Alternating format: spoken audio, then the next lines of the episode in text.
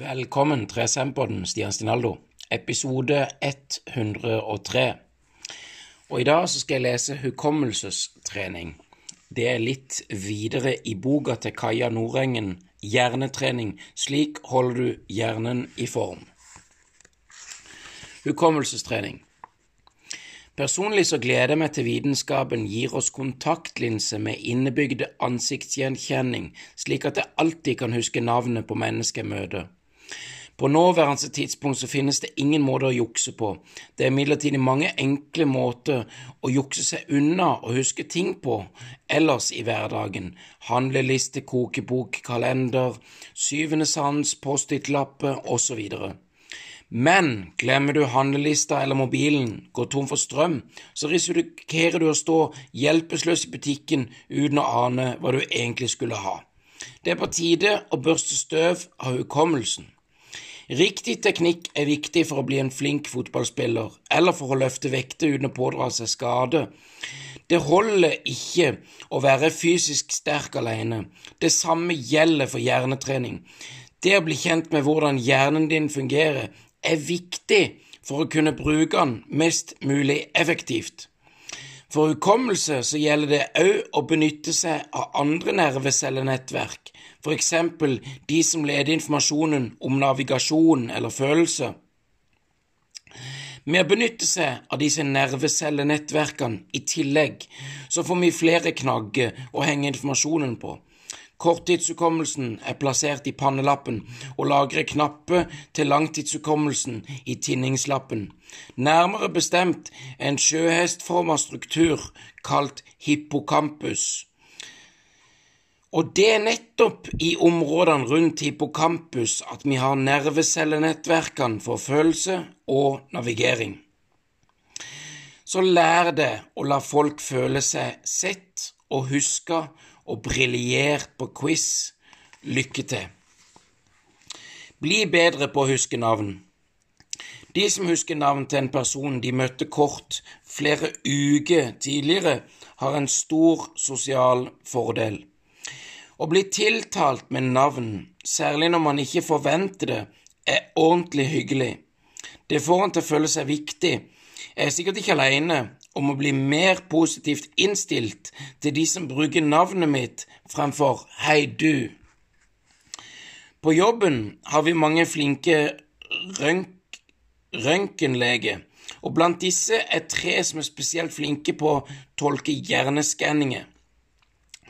En av disse skiller fra seg de to andre og utseendet, mens de to andre har aldri helt greid å skille fra hverandre. Selv om vi har røntgendemonstrasjoner, mener disse hver tre Nei, av, med en av disse tre hver eneste dag. Problemet er jo bare at jeg ikke husker hvem jeg har fokuset på. Fokuset å være på jobb, ikke person. Så en sein kveld på vakt så hadde en akutt syk pasient på setebordet, og jeg trengte å skille stille sjefen et spørsmål. Du, det hjalp ikke. Jeg tror ikke overleger lytter til du. Jeg visste at det var én av to jeg måtte ta sjansen. Eh, vegge? Ingen respons. Da var det nok ikke han han het. Jeg prøvde igjen. Orem? Det hjalp. Han stoppet omsider og snudde seg mot meg, slik at han fikk stilt et siste avgjørende spørsmål før han gikk. I det minste har navnet lagret seg for all ettertid nå. Noen kjenner seg ikke igjen i ansikter i det hele tatt, slik som kronprinsesse Victoria av Sverige, som lider av ansiktsblindhet. Det er åpenbart et problem i jobben hennes. Mitt problem er at jeg kjenner igjen ansikter, men ikke husker hvor jeg har dem fra. Det kan være en medelev fra en parallellklasse, en venn av en venn, eller til og med en kjendis. Eller en pasient. Leger har ikke lov til å hilse på pasienter utenfor kontoret, med mindre de hilser først. Det er et brudd på taushetsplikten. Imidlertid er det sjeldent et problem så lenge man ikke bor like ved der man jobber. Da jeg var i distriktsturnus i Åndalsnes, derimot, fikk jeg en utfordring. I frykt for å være overlegen mot en periferer kollega, i den tro om at han kanskje var en pasient, eller omvendt, gikk jeg ofte og stirret stivt i asfalten. Og hvis jeg kom i snakk med en pasient, falt, jeg, falt alle brikker på plass hvis de nevnte hvorfor de hadde vært hos meg. Som så mange kolleger av meg husker jeg sykehushistorien bedre enn navnet. Noen ganger viser det seg til og med at jeg husker hjerneskanningen bedre enn ansiktet. Det er alltid pinlig når man tar fram hånda og presterer samtidig og presenterer seg selv samtidig som den andre er klar å gi en klem og si takk for sist. Heldigvis så finnes det teknikker for å huske navn og ansikt, og så koble de riktig. Særlig retning Nei, særlig i settinger der du hilser på noen for aller første gang, så er mye gjort bare med å være aktiv og prøve å huske. Det er sjelden dårlig hukommelse som har skylda når du ikke husker navnet på personen du nettopp hilste på. Når man hilser på nye mennesker, så er konsentrasjonen din ofte andre steder enn navnet du får høre. Du lurer på hva slags menneske dette er, hvem personen minner deg om, men ikke minst hvordan du selv ter deg, om håndtrykket ditt blir riktig, hvordan du sier ditt eget navn, osv. Men jeg mener ikke at du skal slutte å bry deg om alle disse tingene, men for å huske navn må du konsentrere deg om det, og heller prøve å knytte alle de andre inntrykkene sammen med navnet. Er du blant de som heller ikke er gode på å kjenne igjen ansiktet? Eller iallfall ikke god på å knytte navn og ansikt, så kan det være lurt å lede ditt eget fokus mer mot ansikt og navn, og finne assosiasjoner som kan knytte dem sammen.